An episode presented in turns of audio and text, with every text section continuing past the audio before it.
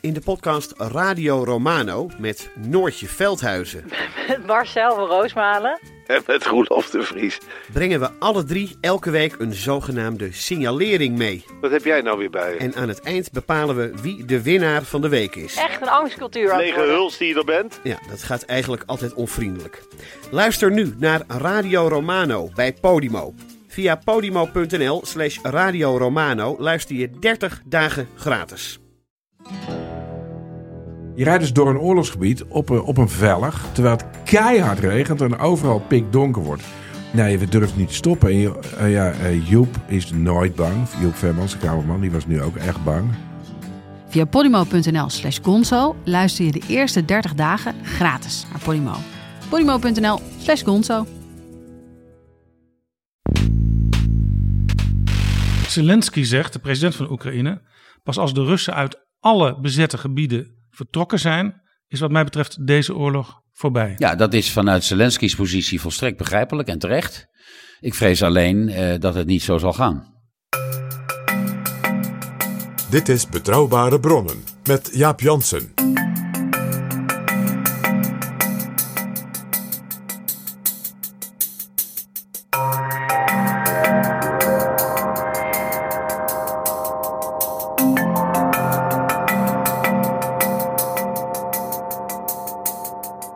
Hallo, welkom in Betrouwbare Bronnen, aflevering 279 en welkom ook PG. Dag Jaap. PG, de komende week vindt in Madrid een driedaagse NAVO-top plaats. Dat gebeurt daar in Madrid omdat Spanje 40 jaar lid is. Die top vindt plaats op een cruciaal moment in de wereldgeschiedenis. Er is oorlog in Oekraïne en de relatie met Rusland bevindt zich op het diepste dieptepunt sinds de val van de muur in 1989. En ondertussen maakt China zich op voor werelddominantie. En tegelijkertijd zijn we mede door die oorlog terechtgekomen in een economische situatie die zich uit in inflatie, tekort aan arbeidskrachten en goederen en bovenal tekort aan energie. Geen beter moment om te praten met de voormalige secretaris-generaal van de NAVO, Jaap de Hoop Scheffer. Welkom in Betrouwbare Bronnen, Jaap de Hoop Scheffer. Dank. Voordat we met het gesprek beginnen, een korte vraag. Staat de wereld op een kruispunt? Ja, dat denk ik wel. Maar eerst, PG, de nieuwe vrienden van de show. Ons favoriete onderdeel. Dat zijn de voorbije dagen Pieter, Wim, Paul, Olaf en Peter. Heel veel dank weer. En er zijn ook mensen die een eenmalige donatie hebben gedaan de afgelopen dagen. En dat zijn Kirsten, Onno en Harry. En dat stellen we minstens zozeer op prijs. Dit is Betrouwbare Bronnen. Jaap de Hoop Scheffer, wat is de belangrijkste opdracht voor de regeringsleiders bijeen op de NAVO-top komende week? Politieke eensgezindheid en solidariteit uitstralen. Eh, dat is de allerbelangrijkste boodschap. Dat is in de huidige politieke situatie eh, in de wereld, en meer specifiek uiteraard in Europa, het allerbelangrijkste. Er mag geen licht zijn eh, in het communiqué en in de uitspraken van de regeringsleiders. En de NAVO moet als één man en vrouw uit die top komen. Dat geeft bepaalde regeringsleiders met een niet gering ego natuurlijk de mogelijkheid om heel lastig te gaan doen en te gaan difficulteren, zou Ruud Lubbers zeggen. Nou ja, eh, om, om last, het woord lastig over te nemen, eh, PG. eh, we hebben natuurlijk de aanvraag van Zweden en Finland voor het lidmaatschap van de NAVO. Dat zou normaliter geen grote probleem moeten opleveren. Sterker nog, het is een enorme aanvulling en versterking van de NAVO. Maar we hebben een president, die heet Erdogan, en die is de president van Turkije. En die wil daar een prijs voor. Uh, en die prijs uh, is nog niet in zicht. Uh, en als ik Stoltenberg, de huidige secretaris-generaal Jens Stoltenberg, goed begrijp gisteren, op een bijeenkomst in Brussel, dan twijfelt hij eraan of dat probleem voor de top zal worden opgelost. Nou is dat op zichzelf geen drama, want Zweden en Finland komen er toch bij. Alleen, er moet, er moet stevig onderhandeld worden over de hoogte van de prijs die Erdogan wil. En dat straalt dus niet dan dat punt van eensgezindheid, solidariteit en een krachtige uh, signaal uit. Dat is juist en daarom zal ook iedereen zijn uiterste best doen uh, om voor de top uh, te kijken of die prijs bepaald kan worden. Maar indien dat niet lukt, nee, dan heb je gelijk. Dan, dan, dan is daar een, een rafelrand aan, aan de top, dat is waar. Maar het is niet het meest belangrijke punt van de top.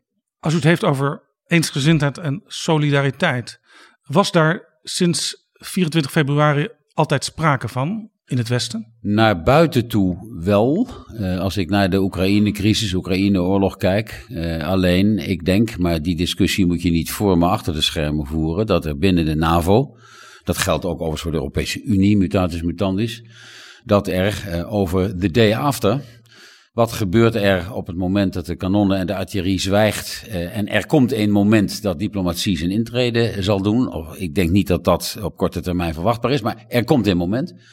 Dan uh, zal moeten blijken uh, of alle regeringsleiders en staatshoofden, alle landen, alle lidstaten uit hetzelfde zangboek zingen.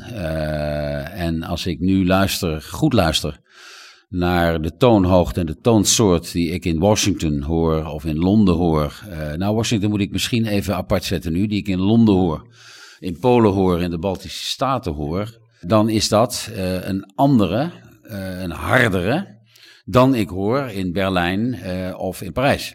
Biden vaart een, wat mij betreft, redelijk intelligente middenkoers in, in dat opzicht. Maar die vraag komt op tafel. Zelensky is president van Oekraïne, dus hij zal bepalen welke concessies wil ik doen en welke niet. Maar we weten ook allemaal dat als Zelensky zou zeggen. Ik wil uh, niet wachten tot de laatste Rus uh, mijn grondgebied heeft verlaten, inclusief de Krim. Dan, dan is het wel, Houston, we have a problem in, in politieke zin. Wat is, wat is de oorsprong van mijn antwoord? De oorsprong van dit alles is dat eh, nog de NAVO, nog de Europese Unie ooit een Ruslandpolitiek heeft gehad op consensus gebaseerd. Die bestaat niet. Uh, dat heb ik in mijn tijd meegemaakt. Dat is nu nog precies zo. Uh, en dat heeft te maken met geografie.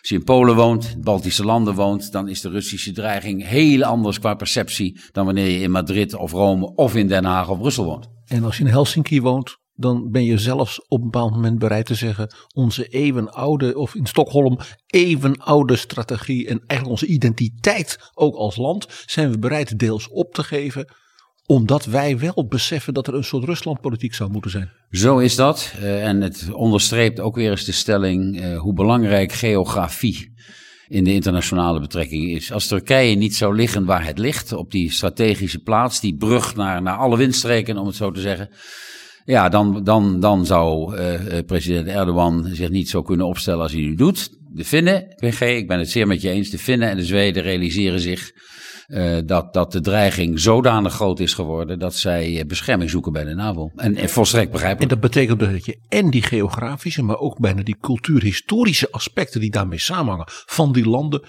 die moet je uitdiepen. Daar moet je begrip voor ontwikkelen. Je moet er ook een dialoog met hen over voeren. Zeker, en dat geldt ook. Uh, en die landen zijn natuurlijk al langer lid van de NAVO. Ik constateer dat wij weinig kennis, begrip, achtergrond hebben voor de historie van de landen in Centraal- en Oost-Europa. Die zijn, die zijn lid van de Europese Unie in grote getalen, zijn lid van de NAVO. Uh, wij verbazen ons van tijd tot tijd over hun standpunten, maar we weten eigenlijk niet echt, en ik heb ook niet het idee dat dat in ons geschiedenisonderwijs op de scholen een prominente rol speelt. Wat zijn dat voor landen? Wat is hun historie? Wat is hun achtergrond? Is dat ook waar u over praat met uw studenten? U bent emeritus hoogleraar internationale betrekkingen en diplomatieke praktijk aan Leiden University College. Is dit een ding waar u het met uw studenten over heeft? Absoluut.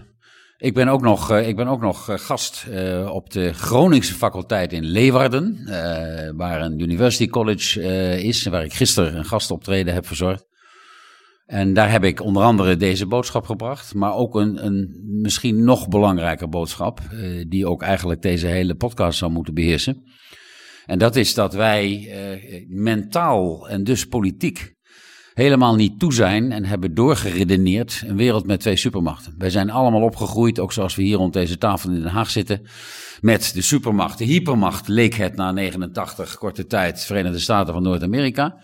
Ze zijn een supermacht, ze blijven een supermacht, ze blijven onze uiteindelijke eh, veiligheidsgarantiegever. Maar, maar, kijk even naar de, de bijeenkomst die wordt gehouden onder leiding van China van de BRICS, dus met de Brazilianen, met, met India, met Zuid-Afrika. Wij maken, wij, en wij zeg ik dan het Westen, wij zijn zo gewend de diensten uit te maken, eeuwenlang en ook decennia lang, als ik naar mijn leven terugkijk, dat, dat wij erg moeten wennen aan het feit dat wij de dienst niet meer uitmaken. Wij denken niet in dat soort termen. Wij denken niet in dat soort termen. En dat zullen wij wel moeten leren. Uh, want uh, zodra de Chinezen tegen mij zeggen. Maakt u zich zorgen over 1 miljoen Oeigoeren, meneer de Hoopscheffer? Dat kan wel zijn, maar ons mensenrechtenmodel is verre superieur aan dat, aan dat van jullie. Punt. Einde discussie. Dat wij in Europa te weinig letten op wat er in China gebeurt en wat China van plan is, is ook het verwijt wat we de laatste jaren krijgen uit de Verenigde Staten. Ja, maar de, de, de opdracht voor ons Europeanen is om in deze multipolaire wereld met twee supermachten.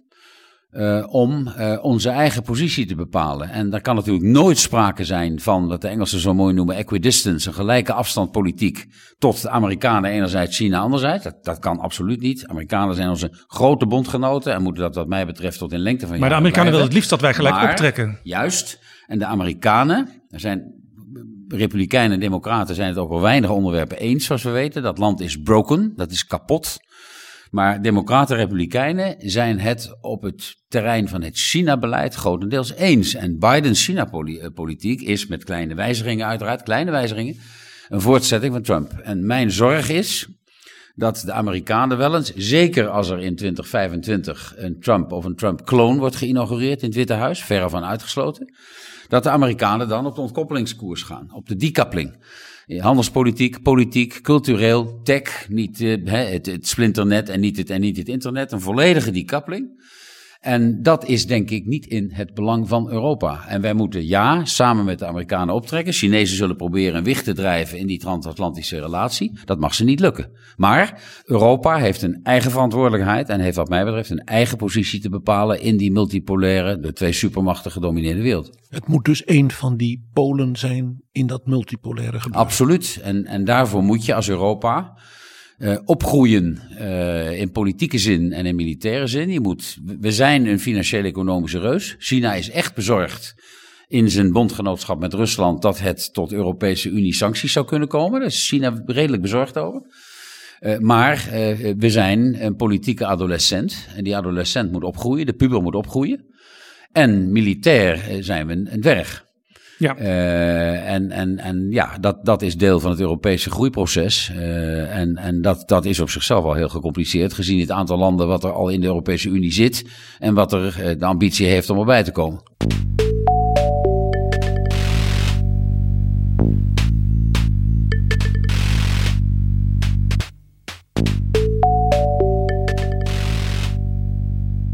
Over de rol van Europa praten we straks verder. Maar ik wil eerst even kijken naar de inval in Oekraïne. Vandaag, precies vier maanden geleden, viel Rusland Oekraïne binnen. Hoe lang gaat deze oorlog nog duren? Ik vrees lang omdat op dit moment er een padstelling is uh, waarin uh, de Oekraïne niet kan verliezen dankzij onze wapenleveranties en Rusland niet definitief kan winnen.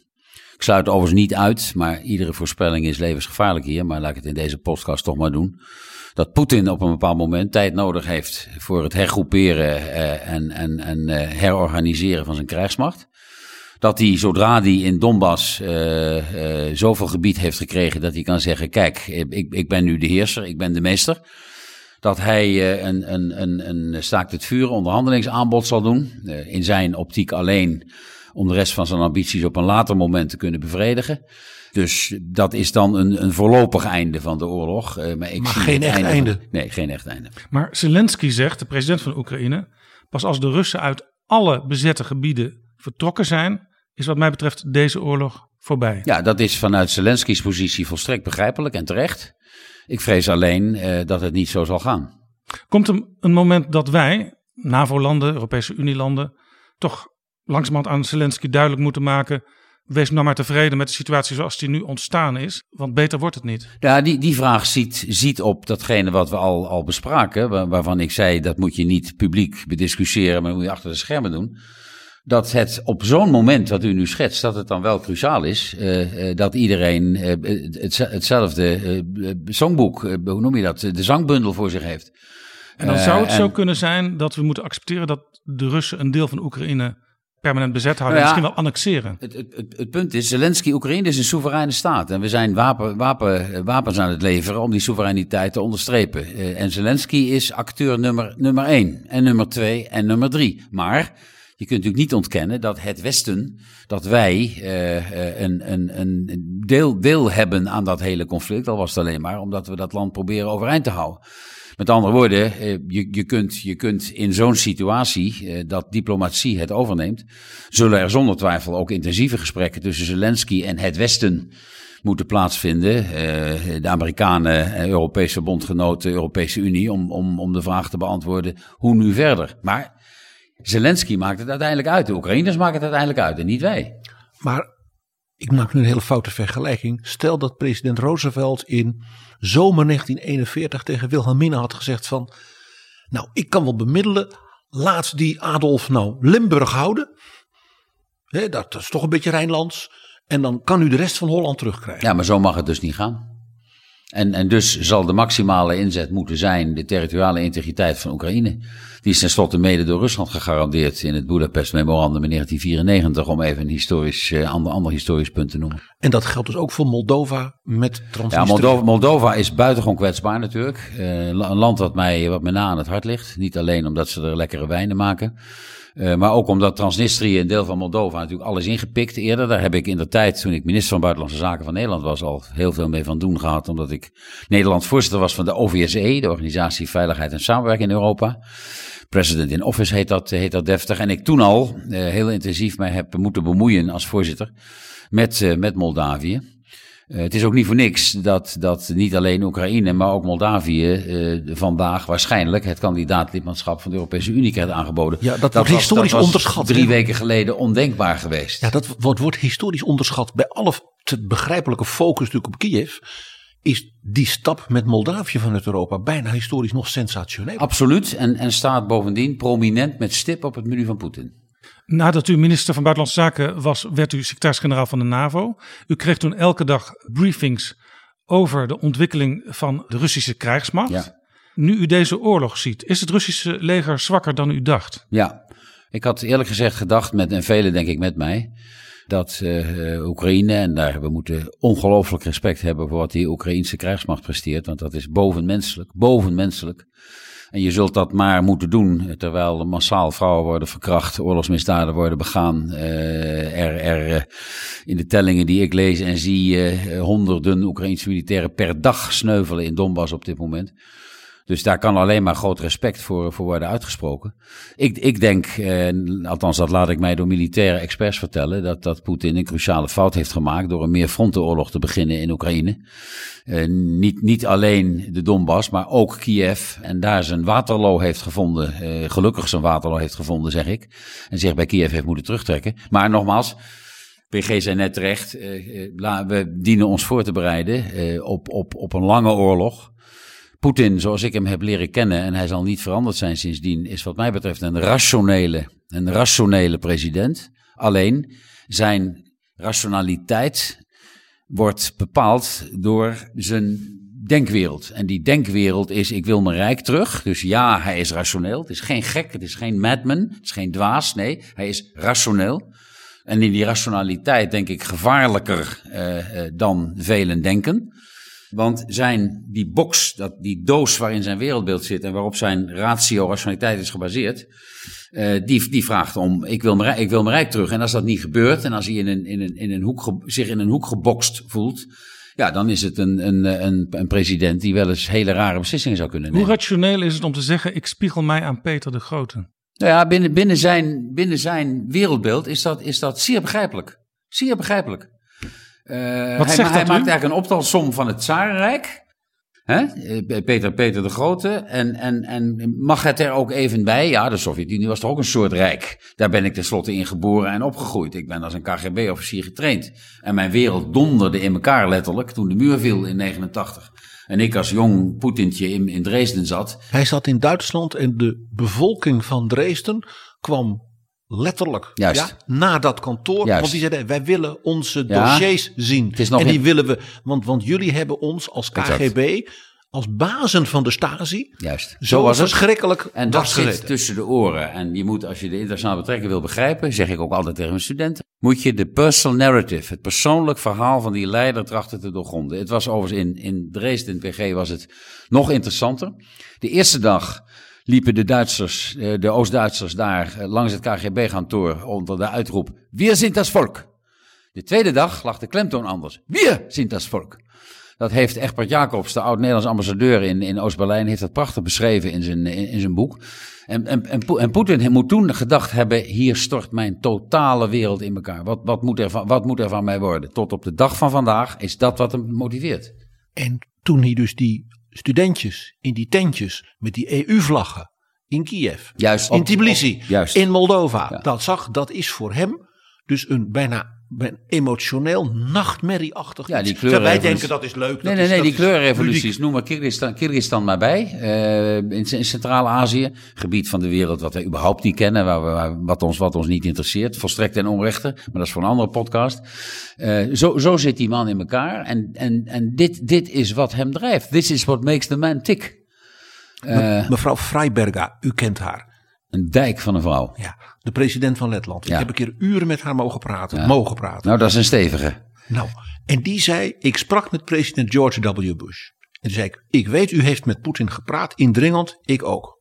U zei, de man heeft wel een ziel. Dat is een echte Rus. Toen zei ik, ik heb toen tegen president Bush gezegd, Mr. President, u heeft gelijk. U zag een Russische ziel. Weet u wat ik zag? Als meisje uit Letland dat moest vluchten met haar ouders. KGB, KGB, KGB. Zij was degene die in anekdotische zin, maar toch wel aardig in dezelfde, in dezelfde eh, trend. Dat is mevrouw Freiberga, die een NAVO-top eh hostte. Hoe zeg je dat? Die gastvrouw was van een NAVO-top.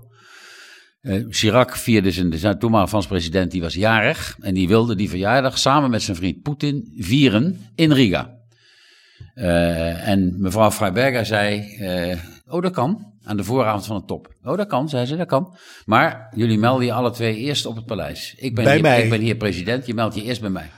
Dat gebeurde niet. Nee, staats- Die nee zij was dus echt staatshoofd nee- van het Die onafhankelijke nee Letland. door. En de volgende morgen kwamen al die regeringsleiders kwamen daar aan. En toen had ze een grote slagroomtaart voor Chirac. Ik heb begrepen dat u jarig bent, eh, meneer de president.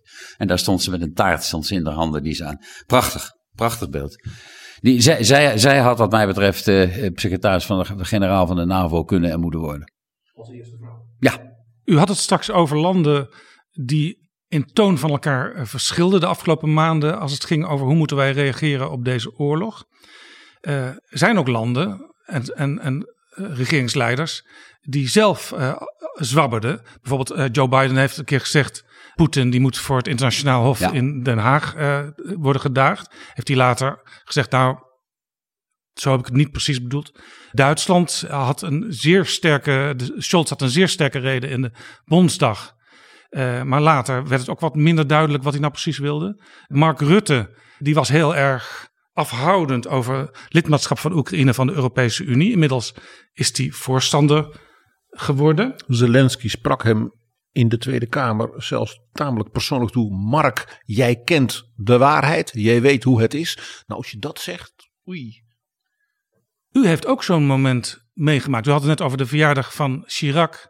Maar u was jarig ja zo is het. op de top van. Boekarest in 2008. Ja. eh, waarop gesproken werd over een mogelijk toekomstig lidmaatschap van Oekraïne van de NAVO. En waar mevrouw Merkel onlangs in haar eh, verhaal Ja. in de Berliner Ensemble, haar eerste grote gesprek na haar vertrek, zo gedetailleerd en uitgebreid op inging. Dus ja, de toenjarige Jaap de Hoop Scheffer. Ja, die was niet blij. Eh, ik was niet, was niet blij op die top. En, en er, ligt een, directe verbinding, die jullie terecht aangeven, met die beslissing over Oekraïne en Moldavië nu. Daar moeten we, zo op terugkomen. Dat was een fout. Ik heb dat overigens eh, publiek al een jaar of vier geleden tegen Nieuwsuur gezegd hier in Nederland. Alleen, dat was, dat was het grootste politieke gevecht in mijn bijna zes jaar eh, s- eh, SG-schap van de, van de NAVO.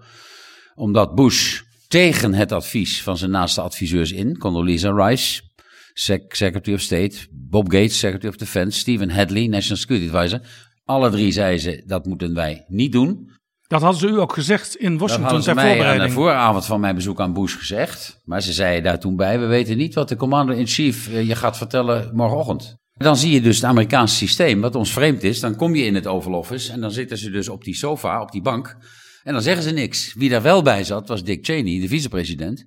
En die had, en Bush, overigens, eh, la- laat ik dat nog, ook, nog eens een keer herhalen, bepaalt geen dom hoor, zoals hij hier in, in West-Europa vaak wordt afgeschilderd. Absoluut niet. Maar Bush liet zich altijd mondeling brieven. Ik had altijd, moet ik eerlijk toegeven, een papiertje bij me. Je moet die en die punten moet je maken, een klein, klein kaartje. Hij had nooit iets. Liet zich vlak van tevoren liet hij zich brieven. Uh, en dan werkte hij zijn punten af. Uh, zeer consistent. Nou ja, hij werkte toen, die ochtend, ook dat punt af. En zei: We gaan volle kracht vooruit. Richting Membership Action Plan was het lidmaatschap, maar dat woord membership, dat was natuurlijk het cruciale woord. Nou, en daar ontstond op die top een gigantisch gevecht tussen Merkel en Sarkozy enerzijds. Uh, en anderzijds Bush, gesteund uiteraard door de Centraal-Europese landen, door Polen. Uh, Radek Sikorski was minister van Buitenlandse Zaken. Toch ook een van de meer forse uh, acteurs in dat, in dat spel. En die was ook getrouwd met Anne Applebaum. Die dus. was getrouwd met Anne Applebaum. Dus wat dat ik, betreft... ik, ik, hoor u wel eens zeggen, als NAVO-secretaris-generaal ben je meer secretaris dan nou, generaal. toen wel, toen wel. je bent secretaris-generaal. ik, ik heb het wel eens in een andere vergelijking getrokken. je hebt het beroemde Engelse spreekwoord, als olifanten vechten wordt het gras vertrapt. Ik was het gras. Uh, op het moment dat Merkel uh, en, en, en Sarkozy, maar met name Merkel, die leiden, zo'n enorm politiek gevecht voert. Ik had iedereen de zaal uit moeten sturen. Er waren alleen nog die regeringsleiders plus één waren over. En ik hoor Merkel op een gegeven moment roepen tegen de Baltische landen, die natuurlijk bovenop haar gingen zitten in figuurlijke zin. Sie kritisieren Duitsland. Ich bin Duitsland. Ich bin Duitsland. Uh, dat, dat, dat, soort, dat soort discussies gingen daar in die, in die zaal. Dit is eigenlijk precies het beeld wat, wat mensen als Merkel in het openbaar willen voorkomen.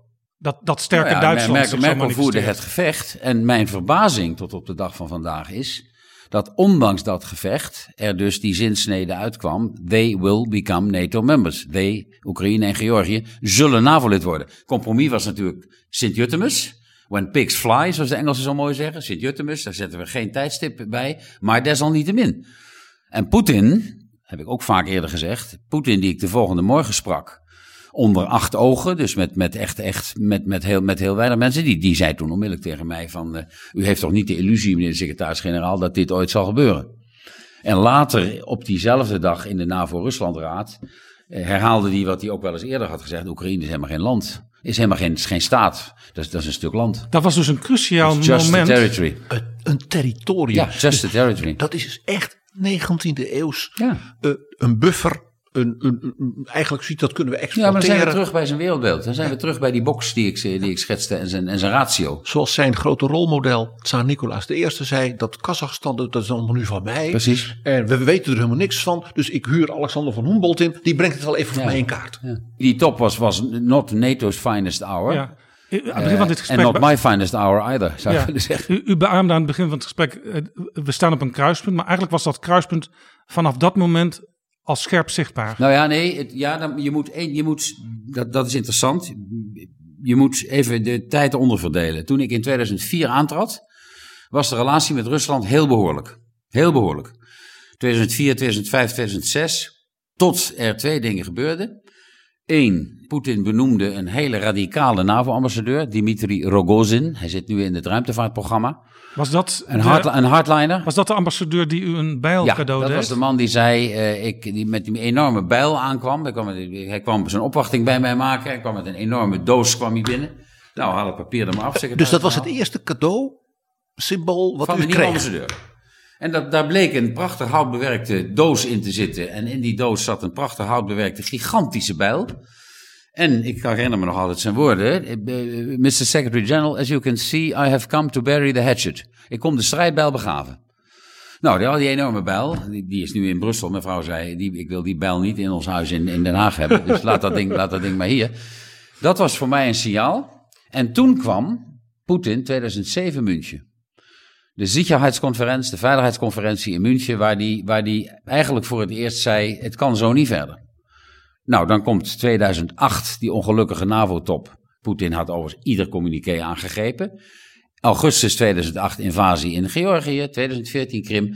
Dus je kunt niet zeggen dat er een historisch rechte lijn loopt van het begin van eh, deze eeuw naar waar we nu zijn. Er, er, zit ergens, bij Poetin zit er ook een, een breukpunt.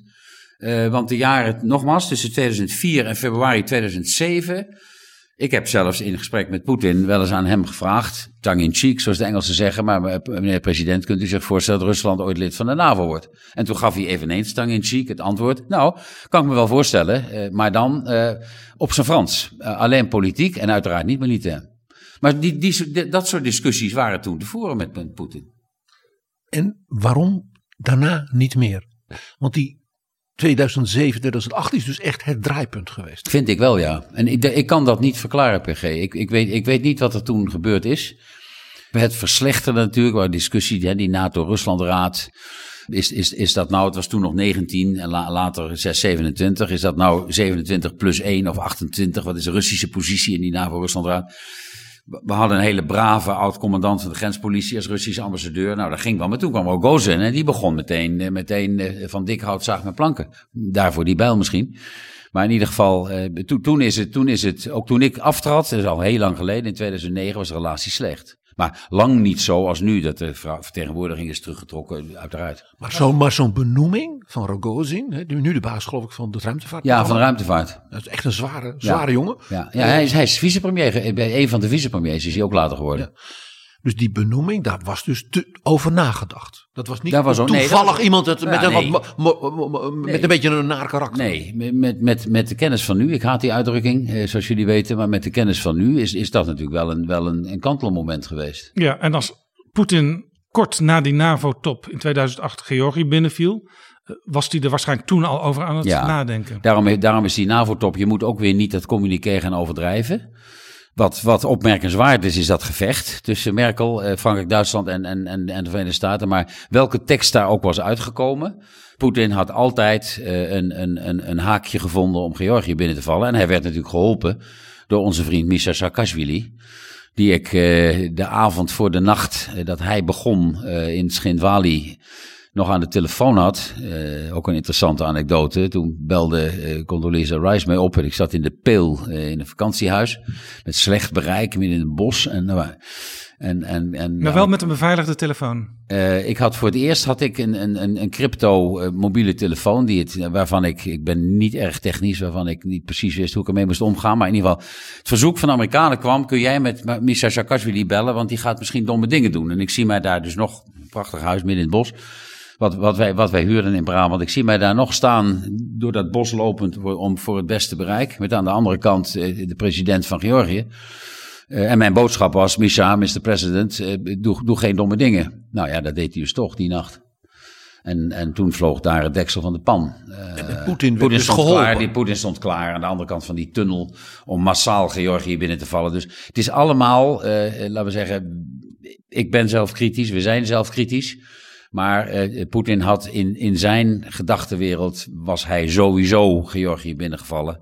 Uh, en zien we in Georgië nog steeds Abhazie en Zuid-Ossetië wat, wat, wat is ingepikt. Zelensky deed het tegenovergestelde. Hè? Die zei uh, toen de Amerikanen al berichten brachten van de Russen staan klaar om binnen te vallen. Zo'n vaart zal het niet lopen. Die deed eigenlijk het tegenovergestelde. Ja, Zelensky dacht wat, wat, wat velen hier ook dachten. Uh, want het was de eerste keer dat de Amerikanen natuurlijk intelligence zo, zo publiek uh, verkondigden. En, en men had natuurlijk met Bush en Irak nou niet een hele top herinnering aan intelligence. Uh, dus dat speelde allemaal mee. Maar nu, nu was het ja, op het uur nauwkeurig ongeveer. Ja, is de paradox niet dat die inval in Oekraïne niet had plaatsgevonden als Oekraïne destijds, vrij snel na die NAVO-top in 2008, al lid was geworden? Nee, ik denk dat dat toen ook casus belli was geweest. Ik, u, ik heb, u, u herhaalt hier in tamelijk scherpe bewoordingen wat mevrouw Merkel wat ingetogener in Berlijn in dat theater zei.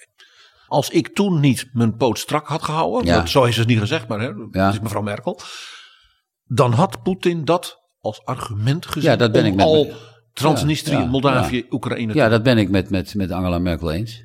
Ben ik met haar eens. Ja, en, en, da en daarom. En daarom uh, was, dus Condoleezza Rice had ook gelijk. Ja, uiteindelijk wel. Ik weet niet, ik weet niet of, ze dat nu, eh, of ze dat nu zal zeggen. Maar, maar eh, wat, wat, wat mij betreft eh, was, was er toen een andere formulering denkbaar geweest. Maar nogmaals, Poetin is Poetin. Die had dus alles aan. Maar indien toen uh, laten we zeggen, membership action plan. Ik, ik, ik, sluit niet uit, ik sluit bepaald niet uit met Merkel dat dat toen voor Poetin een reden zou zijn geweest. Misschien dat die Oekraïne niet was binnengevallen, maar wel, zoals je zegt, uh, uh, acties had ondernomen in, in Moldavië of in verdere delen van Georgië, dan wel in de Donbass. Dat had, had heel goed gekund.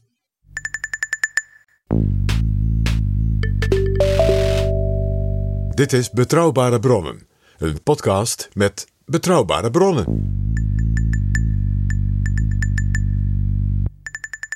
Ivo Daalder, de oud-ambassadeur van de Verenigde Staten bij de NAVO, die zegt deze dagen: zodra die oorlog voorbij is, moet Oekraïne lid worden van de NAVO. Is dat een verstandige opmerking? Ja, ik, weet, ik, ik, ik eh, heb Ivo Daalder zeer hoog. Uh, ik, ik zie niet gebeuren dat uh, zolang Poetin aan het roer staat in Moskou. En zolang terecht Rusland een paria-staat dient te zijn dat, uh, dat dan binnen de NAVO consensus, ooit consensus zal bestaan. Moet ik wel erbij denken. Je, kunt het wel zeggen, maar het is een consensuele beslissing. Die consensus was er in 2008 niet.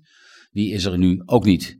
En die is er wat mij betreft, denk ik, volgend jaar of over een aantal jaren ook niet. Want, want teruggrijpend op wat ik eerder zei, er is geen consistent, consensueel Ruslandbeleid in de NAVO en ook niet in de Europese Unie. Maar is de les niet van alles wat er nu gebeurd is dat wat je ook doet, welke positie je ook inneemt als Westen, Poetin gaat zijn eigen gang.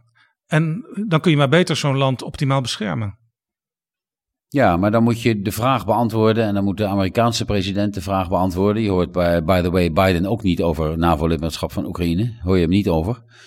Trump zou ik op dit moment even niet weten of die zich erover heeft uitgelaten. Maar Trump had de NAVO niet hoog, zoals we alle, alle weten. En Oekraïne al helemaal niet. Trump overwoog om en, en, Oekraïne, en Oekraïne al helemaal Trump niet. overwoog om het eigen NAVO-lidmaatschap van de nou ja, daarom, Staten daarom is, daarom is 2024, 2025 zo, zo belangrijk en riskant ook voor ons Europeanen. Kijk, ik, ik, ik, ik zeg dus, herhaal, uh, die consensus zie ik niet.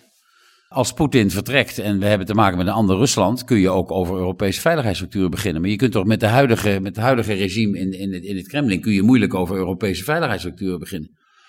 Nou, en daarom, en dan maak ik de brug naar, naar de Europese Unie, als jullie het goed vinden. Je moet als Europese Unie, ik ben het dus eens met de beslissing. Uh, ik heb daar wel mee geworsteld persoonlijk, moet ik eerlijk zeggen. Ik ben het eens met de beslissing dat ze kandidaat lidmaatschap krijgen. Politiek is ook psychologie. Uh, en Oekraïne is in oorlog. En Wopke Hoekstra zei terecht: het is wel razend lastig om tegen een vriend die in oorlog is. en wiens vrouwen worden verkracht en militairen bij de honderden omkomen. zeggen: nee, nee, nee, nee. Sorry jongens, even, even wachten. Je, moet je moet even wachten tot je mag meedoen in onze brandweerfederatie. Ja, terwijl je huis in brand maar, staat. Maar, maar. Uh, wat mij betreft zijn er twee belangrijke dingen. Eén, de Europese Unie moet nu niet dezelfde fout maken als de NAVO in 2008. Namelijk dat er een uitspraak wordt gedaan die, die, die, die verder helemaal geen inhoud heeft. Dan blijft het alleen bij de politieke psychologie. En ze zijn nog geen kandidaat lid, zoals we weten. Er moeten nog een aantal voorwaarden worden voldaan. En die zijn voor de... Het lijkt daar wel een beetje op, hè? want als uh, zowel de Baltische landen als Mark Rutte als uh, nou ja, wie dan ook het nu erover eens zijn dat er een uitspraak gedaan wordt, uh, dan is dat een uitspraak die voor meerlei uitleg vatbaar is. Maar wat, wat, wat ik bedoel uh, is, is, is, is het volgende. Je moet dus oppassen dat het geen lege huls wordt. Je moet je realiseren dat een Europese Unie met Oekraïne op termijn en met Moldavië, en daar zal het niet ophouden, een totaal andere Europese Unie is dan de Europese Unie die we nu hebben. Die EU die we nu hebben kan absoluut niet verder op de huidige voet. En dan heb ik het nog niet eens over die Balkanlanden die al zo lang wachten. Ik denk aan Albanië, ik denk aan Noord-Macedonië. De Bulgaren nu weer dwars liggen. Bedoelt u dat we eerst het vetorecht moeten afschaffen voordat ik bedoel we dat als je, als je deze uitspraken doet, en die steun ik, die uitspraken, dat je je wel moet realiseren dat dit het begin is van een traject een uiterst moeizaam traject naar een, naar een wat mij betreft, een fundamental reappraisal, om een, om een uh, kreet uit de geschiedenis te gebruiken. Een fundamentele herziening van wat de Europese Unie is, hoe we met elkaar omgaan, hoe we, hoe we besluitvorming plegen. Je kunt niet de Oekraïne een lidmaatschap in het vooruitzicht stellen. Uh, en dan denken dat het gemeenschappelijk landbouwbeleid overeind kan blijven. Laat, je kunt niet laat staan Moldavië, wat, wat, economisch nog veel minder ontwikkeld is, is dan Oekraïne. Denk even aan de regionale fondsen en het regionaal beleid. De, je, je kunt niet, uh, je, je zegt dat recht, je, je kunt niet uh, op het punt van buitenlands beleid verder gaan met, met unanimiteit bij besluitvorming. dat betekent dus verdragswijziging en dat betekent dus een heel lang proces. En ik, ik, ik zeg hierbij, ik steun die beslissing, maar weet wel waar we aan beginnen. Uh, en dat is een fundamenteel proces. Daar komt Macrons idee om, om de hoek kijken. Hoe, hoe moet je dat in, in, in het interim doen? Want het zal, het zal jaren, waarschijnlijk tientallen jaren duren voordat je kunt praten. Oekraïne is vol lid van de, van de Europese Unie. Wat is dat dan voor Europese Unie? Kortom, het is een heel uh, verdragend besluit wat, wat vandaag in de, of gisteren in de Kamer is bediscussieerd. Ik steun het uitgangspunt. Ik steun Rutte en Hoekstra dat ze deze positie hebben genomen. Het is overigens ook een aardig lesje in realisme. Want toen ik het bezoek aan Kiev zag van Scholz en Macron uh, en, en, en, en Draghi. Draghi, en met name Scholz en Macron, toen dacht ik, als Duitsland en Frankrijk zeggen, we gaan dit zo doen, dan moet je wel van hele goede huizen komen in de Europese Unie. Zegt, nou, we dachten toch nog even niet. Rob de Wijk die was deze week op de radio en die zei, en hij zei er nota bene bij, uh, Jaap en ik zijn het meestal met elkaar eens. Hij zei, Oekraïne moet als de sodemieter lid worden van de EU. Ja, nou daar, daar ben ik het dan uh, niet met Rob de Wijk eens, omdat ik absoluut niet zie hoe dat zou moeten. Hoe, hoe word je als de sodemieter, ik, ik herhaal zijn woorden met, met uh, excuus daarvoor, als de, als de, als de hoe, hoe, wil je dat doen? Nee, wat betekent dat überhaupt? Nee, dat, ik weet het niet. Ik Mag ik- mag ik maar ga je, dan, ga je dan Albanië en Noord-Macedonië, eh, ga je die, ga je die eh, achter, achterstellen bij, bij hoe, hoe ga je dat doen? En wat betekent Oekraïne? Nee, enfin, ik, ik, Mag ik een concreet voorbeeld geven? Als je zegt, u bent kandidaat. En we gaan met elkaar kijken wat u nog zou moeten doen de komende jaren. Ja. Je kunt ook gewoon heel, mag ik zeggen, bijna à la carte opereren. Eén concreet voorbeeld misschien uit de wereld waar ik vandaan kom. Oekraïne zit nu al in Erasmus. Mhm. Dus je zou al die Oekraïnse studenten waarvan de school kapot is. In het mbo en wat dan niet zeggen van. We gaan daar een soort oorlogs-Erasmus op doen. Je kunt misschien elders in Europa. En waarom doen ze niet meteen mee in Horizon? Miljarden investeringen in onderzoek. Dat je zegt, we gaan de Oek- Oekraïnse hogescholen en universiteiten helpen vanuit Horizon. Dan zijn ze wel geen lid. Ja. Maar je involveert ze wel Ja, dat- in een Europese toekomst. Dat, dat, dat, kun je, dat kun je wat mij betreft sowieso doen. Ze involveren in de Europese toekomst. Je kunt ze ook buiten de EU om, kun je ze financieel, waar, waar dat nodig is, steunen. Alleen, alleen de vraag aan mij was een andere. Dat, dat, was, dat was morgen lid worden van de Europese Unie. Dan zie ik, eh, en verwijs ik wederom naar de westelijke Balkan, die niet stabiel is, niet stabiel. Waar je een groot probleem hebt met Kosovo, niet erkend door een aantal EU-lidstaten. Servië. Servië, eh, eh, eh, de Bulgaren die nu nog, nog altijd Noord-Macedonië blokkeren. Wij koppelen dan weer Albanië en Noord-Macedonië. Dat vind ik ook niet erg verstandig. Ko- ko- kortom, dat, dat is een immens complex aan problematiek. Eh, waar ook weer, wat mij betreft, de kernvraag overeind blijft. Wat voor Europese Unie willen wij zijn? En dat is een, dat is een eh, vraag, daar zullen wetenschappers zich over moeten buigen. Luc van Middelaar heeft daar eh, in The Economist gezegd van ja, dat kandidaat-lidmaatschap lijkt me niet zo verstandig. Nou, Luc is een, een, een door mij zeer gerespecteerd denker. Hij zit nog altijd in de adviesraad internationale vraagstukken, waar ik na acht jaar mandaat... eh, ben, ben, eh, ben, eh, ben uitgegaan of heb uitgemoeten, moet ik eerlijk zeggen, want ik vond het fantastisch om daar werkzaam te zijn. Maar Luc van Middelaar heeft daar ideeën over, Macron heeft daar ideeën over. Dus dit, dit complex van problemen, wat dan getriggerd wordt, geef ik eh, door zo'n opmerking waarop de wijk, ja, dat, dat zal de EU-agenda gaan domineren, Ja. ben ik van Een overtuigd. krachtige Europese Unie kan dus Ja. niet, op dit moment niet uitgebreid worden met Nee, welk land maar dan denk, ook. denk ook even aan, voor ik het vergeet, denk ook even aan het verdrag van de Europese Unie 42 lid 7. Hè? Een militaire bijstandsverplichting. In het verdrag van de Europese Unie. Oekraïne als, ik, weet, ik weet ook wel dat dat niet meteen zal worden ingeroepen. Maar Oekraïne als EU-lid valt onder de militaire bijstandsverplichting. Die steviger is dan artikel 5 van de NAVO. Wanneer het lid is van de Europese Unie. Moet je wel over nadenken over dat soort dingen. Dat geldt dus ook voor Letland. Dat geldt voor Estland. En dat geldt ook zelfs voor Finland. Nu het nog geen lid van de NAVO Ja, is. ik, ik denk dat wat Finland en Zweden betreft, denk ik, maar dat weet ik niet. Maar ik denk dat er hele, achter de schermen hele duidelijke veiligheidsgaranties zijn afgegeven door de Amerikanen. Beschouwen jullie jezelf, terwijl die procedure loopt, maar als NAVO-lid? Dat wordt uiteraard ook eh, naar Poetin gecommuniceerd op een of andere manier. Dus wat dat Ja, en Poetin zag eh, Finland en Zweden zeer recent ook meedoen met een grote NAVO-oefening in de Oostzee. Klopt, en hij heeft, hij heeft ook gezegd, ja, Finland, Finland en Zweden lid van de NAVO. eh, Ik, ik wil alleen geen NAVO-infrastructuur op, op, eh, op Zweeds en Fins grondgebied. Nou willen de Finnen dat sowieso niet.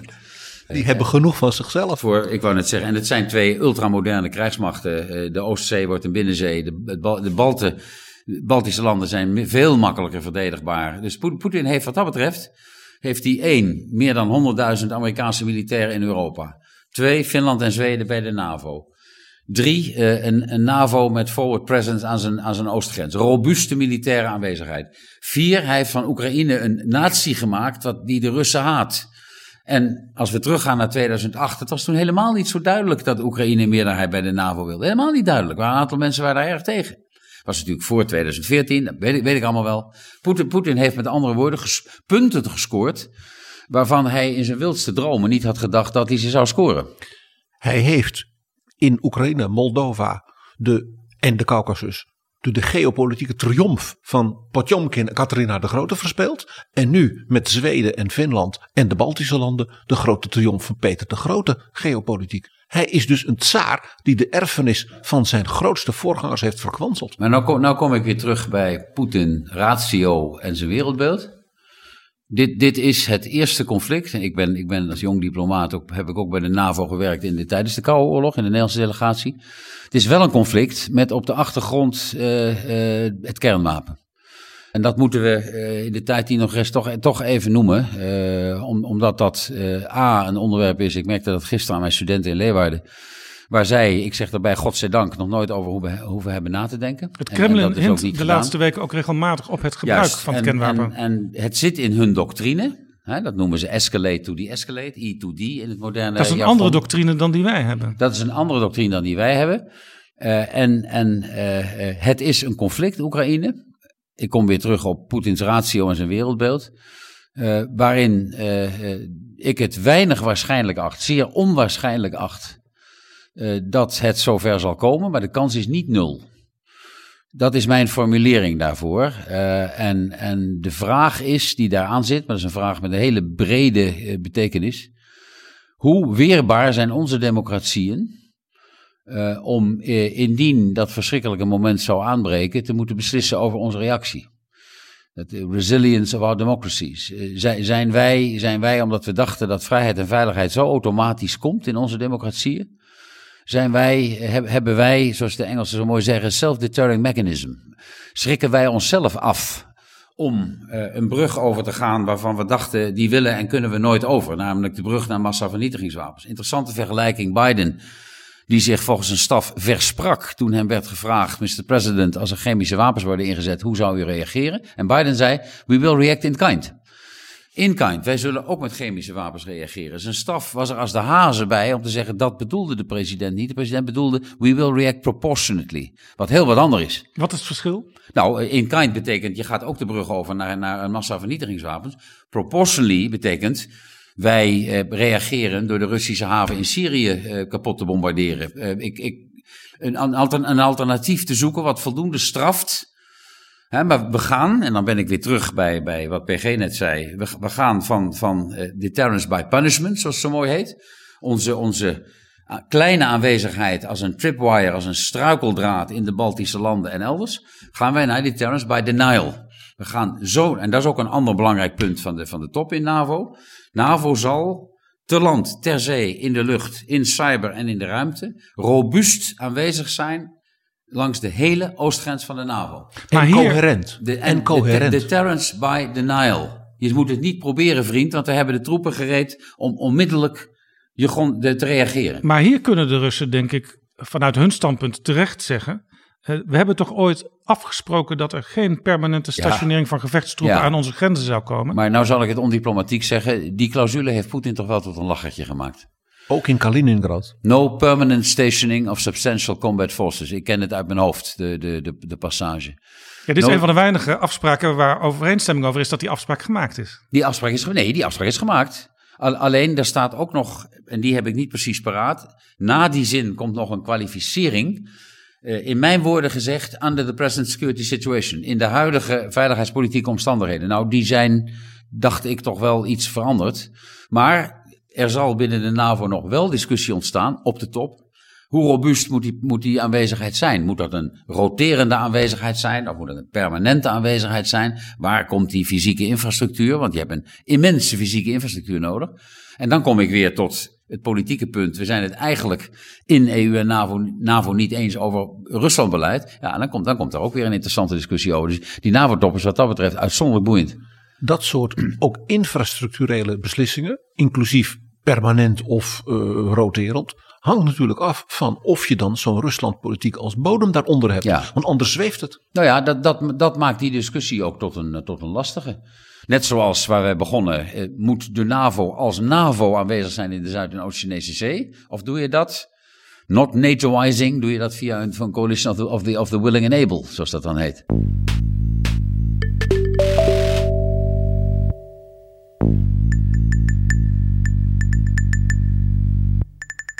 Toen Trump president van de Verenigde Staten werd en twijfel zaaide over de NAVO, toen zei Emmanuel Macron: de NAVO is hersendood. Ik weet niet of hij, u toen vond dat hij gelijk had. Maar ik hoorde u eerder in dit gesprek eh, toch een beetje angstig kijken naar de toekomst. Misschien Trump terug of een kloon van Trump. Ja, dan zou die hersendood wel eens, wel eens echt kunnen, kunnen worden. Nou, ik was, ik, was het, ik was en ben het niet eens met, met, met Macron toen hij dat zei, maar dat, dat verbaast niet als oud SG van de NAVO. Uh, ik, ik, vind, ik, vind, ik, ben, ik ben wel bezorgd, ja, over, over de NAVO en Trump of een Trump-kloon. Ik denk alleen tegelijkertijd dat het Amerikaanse congres, zou een president dat willen, uh, heb ik vertrouwen in het congres dat men dat zal blokkeren. Ik zie verre van een meerderheid in de Amerikaanse volksvertegenwoordiging als, als Trump deze, Trump of een Trump-kloon, een nieuwe president, deze richting zou opgaan. Ik zeg wel daarbij dat dit de discussie over Europa, en dan zeg ik niet de Europese Unie, ik zeg Europa, want daar hebben de Britten bij nodig. Europa en defensie, dat dat natuurlijk een relevante discussie is, want we kunnen niet als Europeanen iedere keer dat er ergens een probleem is op de deurbel van het Witte Huis drukken en, en tegen de president zeggen, kunt u ons alstublieft helpen, want we redden het alleen niet. Ja, Europa moet strategisch autonoom worden, ook op defensie. Ja, dat woord, ik hou niet van dat woord. Ik vind dat een, ik, ik hou niet Waarom van, van niet? strategische autonomie. Om de, omdat uh, uh, als je uh, dit. Ik, het gaat even over defensie nu. Hè? Ik heb het niet over, over tech en over geneesmiddelen en dat soort dingen meer. We gaan over, over defensie. Wat is dat eigenlijk? Wat, wat is Europa na de Brexit in militaire zin? Dat is Frankrijk. En ik heb respect voor Frankrijk. Ben francofoon, francofiel, spreek de taal. Mijn echtgenote is, is docent Frans tot op de dag van vandaag. Alleen Europa, de, Europa kan toch, de Europese Unie kan toch niet alleen van Frankrijk afhankelijk zijn en zich strategisch autonoom noemen. Kom aan, dat moet breder. Dus moet je de Britten daarbij hebben. Dus moet je de En daarom wilde de Gaulle de Britten er ook niet bij. Nee, maar precies. Exact. Nou, we zijn, we, we zijn weer terug in de historie, PG. Ja, we zijn terug eens? bij de Gaulle. Maar je, je, je kunt Ja. dus dat, dat, dat kun je niet zonder de Britten. Nou maken die het ons met dat gedoe over het Noord-Ierland-protocol natuurlijk niet zo makkelijk om te zeggen van vrienden, eh, kom in onze armen, eh, want we willen strategisch autonoom zijn. Maar Europa zal wel, zonder die, die kreet strategische autonomie te gebruiken, mi- militair veel meer veren voor de mond moeten kunnen wegblazen. Ook, ook wanneer het gaat om projecteren van harde militaire macht. Denk aan de Sahel bijvoorbeeld. U bent het dus waarschijnlijk eens met, met uw collega oud-SG Willy Klaas, die in Humo twee weken geleden zei: eh, We zullen zeker de komende twintig jaar nog aan het handje van de Amerikanen blijven lopen. Als ik, als ik ja, daar ben, daar ben ik mee eens in, in die zin. Ik zie, ik zie geen enkel alternatief over de horizon voor de ultieme nucleaire garantie van de Amerikanen.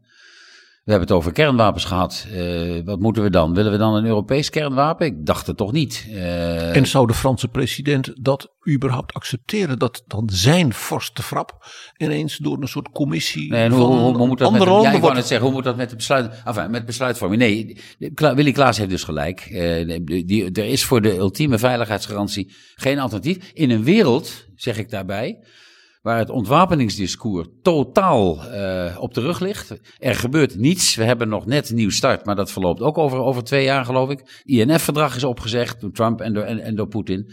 En het kernwapen wordt voor steeds meer regeringsleiders een levensverzekering. Noord-Korea is een interessant punt wat dat betreft. Iran is langzamerhand, als dat, dat, die afspraak niet wordt, wordt vernieuwd, de GCPOA. Iran is weliswaar nog niet in staat om het wapen te vervoeren, maar wel om er binnen een termijn van enige weken mandje 1 te maken. Wat betekent dat voor de regio? Wat betekent dat voor Saudi-Arabië? Eh, ik, ik vrees dus met grote vrezen een proliferatie van, van kernwapens. Want het is mijn levensverzekering. Als Gaddafi nog kernwapens had gehad in Libië, ben ik ervan overtuigd, dan was hij niet aan zijn eind gekomen. Eh, Oekraïne gaf, terug naar de geschiedenis, Oekraïne gaf in 1994 zijn kernwapens op in ruil voor de territoriale integriteit. Nou, dat zal ze nu spijten als haren op hun hoofd. Want Rusland was een van de landen die territoriale integriteit ging En overhouden. de hele discussie rondom de inval van Irak had hier alles mee te maken. Dat, dat De, gaat vree, ver. de vrees dat Saddam Ja, Hussein stiekem ze- toch zeker. wel. Dat, nee, in, in, in die zin, ja, jullie kennen mijn positie als minister in de tijd in Irak. Eh, ik heb daar nog steeds geen spijt van overigens, ondanks Davids en, en, en wat Dies meer zei. Maar dat is, dat is waar, PG, dat is, dat is juist. Eh, daar, daar, daar zit een zekere link. En ik, ik zeg niet ter disculpering van mezelf. Wij wisten dat niet. Er was onzekerheid. En iedereen roept nu achteraf, ha, ha, ha. Wat een domme mensen dat ze dat niet, eh, dat niet hebben ingezien, inclusief Davids. Ja, we hebben de bewijslast omgekeerd. Eh, wij, wij moesten kennelijk bewijzen dat, dat, dat Saddam eh, ze had en hij moest bewijzen die ze niet had. Dat deed hij niet. Enfin, andere, andere podcast, andere Maar het heeft er alles mee te maken. Namelijk dus dat element van die levensverzekering ook voor heersers en regimes waarvan je de rillingen over de rug loopt. Absoluut. Absoluut. Tot slot, we hebben het bijna de hele tijd gehad over Rusland en de rol van Rusland in deze wereld. Ondertussen gaat China zijn gang. Ja, het hoofdtoneel, het hoofdtoneel van de wereld eh, is, is de relatie eh, Verenigde Staten-China. Eh, hoe die relatie zich uiteindelijk ontwikkelt, we hebben het over de ontkoppeling, opkoppelingsvraag gehad, bepaalt wat mij betreft de toekomst van globalisering. Want als, als je tot die ontkoppeling komt, dan krijgt globalisering natuurlijk een enorme, enorme knauw. Het is ook een grote opdracht voor ons om die meerderheid van de wereldbevolking. We moeten ons ook eens realiseren hoe kijkt men in Jakarta tegen onze Oekraïne-oorlog aan. Onze Oekraïne-oorlog. In of in, India. Of in, Delhi, of in Delhi. Of in Delhi. Of in Johannesburg. Of in, in Santiago de Chile. Eh, met, met andere woorden, dat, dat komt weer terug op mijn punt. We maken de dienst niet meer uit. We hebben een, een totaal andere, andere wereld. Het is tekenend dat de BRICS nu eh, samenkomen en daar zal inhoudelijk niet veel gebeuren. En de Chinezen zitten ook met hun vingers tussen de deur, want die vinden het ook niet, niet prettig wat Poetin doet. Eh, leveren hem geen wapens, maar zullen hem ook politiek niet laten vallen. Wij moeten echt eh, omschakelen als Europeanen, eh, als, als Westen, en ik definieer het Westen dan uitdrukkelijk met onze Indo-Pacific partners. Eh, wij, wij, wij, wij moeten omdenken. En wij moeten belangrijke vragen beantwoorden. Als hoe beschermen wij onze geschiedenis, onze cultuur, onze waarden? En dat wordt wat lastig in een discussie met de Chinezen over de Oeigoeren. Terwijl we ook nog BMW's en Audi's willen exporteren en maken. En we moeten misschien ook nog eens goed nadenken over de lessen die wij in dat opzicht ook uit wat er gebeurt in Afghanistan. Nou ja, enfin, dat, dat, daar, Dat daar breekt me de mond niet open, PG. Eh, ik, vind, ik vind overigens wat Afghanistan betreft, en dat heeft niets met die aardbeving te maken. Ik vind dat die gelden ontdooid moeten worden. Ik vind dat wij niet een land waar wij zo lang aanwezig zijn geweest. Zoveel eh, ook hebben moeten inleveren aan, aan, aan doden. Zoveel levens, zoveel le- hoeveel levens van de Afghanen, tienduizenden. Wij hebben geprobeerd dat land op te bouwen. Dat is niet gelukt. Er zijn vele dingen wel gelukt, maar, in, de, in, de, in de kern is dat niet gelukt. Wij kunnen nu niet, ondanks de verschrikkingen van het Taliban-regime, zeggen: we laten jullie in je sop gaan koken. Eh, er komt een gigantische hongersnood, ook, ook daar. Ik vind, ik vind dat je het moreel niet kunt Hoe verantwoorden. Ik- gruwelijk dat regime ook is, nood breekt wet. ik vind, dat, ik vind van wel. En eh, ik, ik ben wat dat betreft, ik- zoals jullie weten, ik ben niet iemand die permanent met, een- met een rugzakje loopt waar mijn geweten in zit. Integendeel, ik beschouw mezelf toch als een redelijke realist. Eh, en dus vind ik ook hier dat we moeten, je, je, maakt, je maakt vuile handen. We maken allemaal vuile handen. Iedereen die moet beslissen in de wereld van vandaag en in de wereld van gisteren en van morgen, die maakt vuile handen. En ik leg studenten ook altijd uit, het is makkelijk om uit theorieboeken eh, conflicten te analyseren. Maar als je voor de beslissing staat en je moet zeggen, hoe ga ik het doen? Ga ik linksaf of rechtsaf? Dan is dat echt wat anders dan ik moet even naslaan of ik nou een realist ben, of een liberaal, of een constructivist, of, of wat, wat, wat dan ook meer zijn. Hè? Het is toch altijd, doe ik iets of laat ik iets na? Zo is het. Jaap Scheffer, hartelijk dank voor dit gesprek. Met plezier.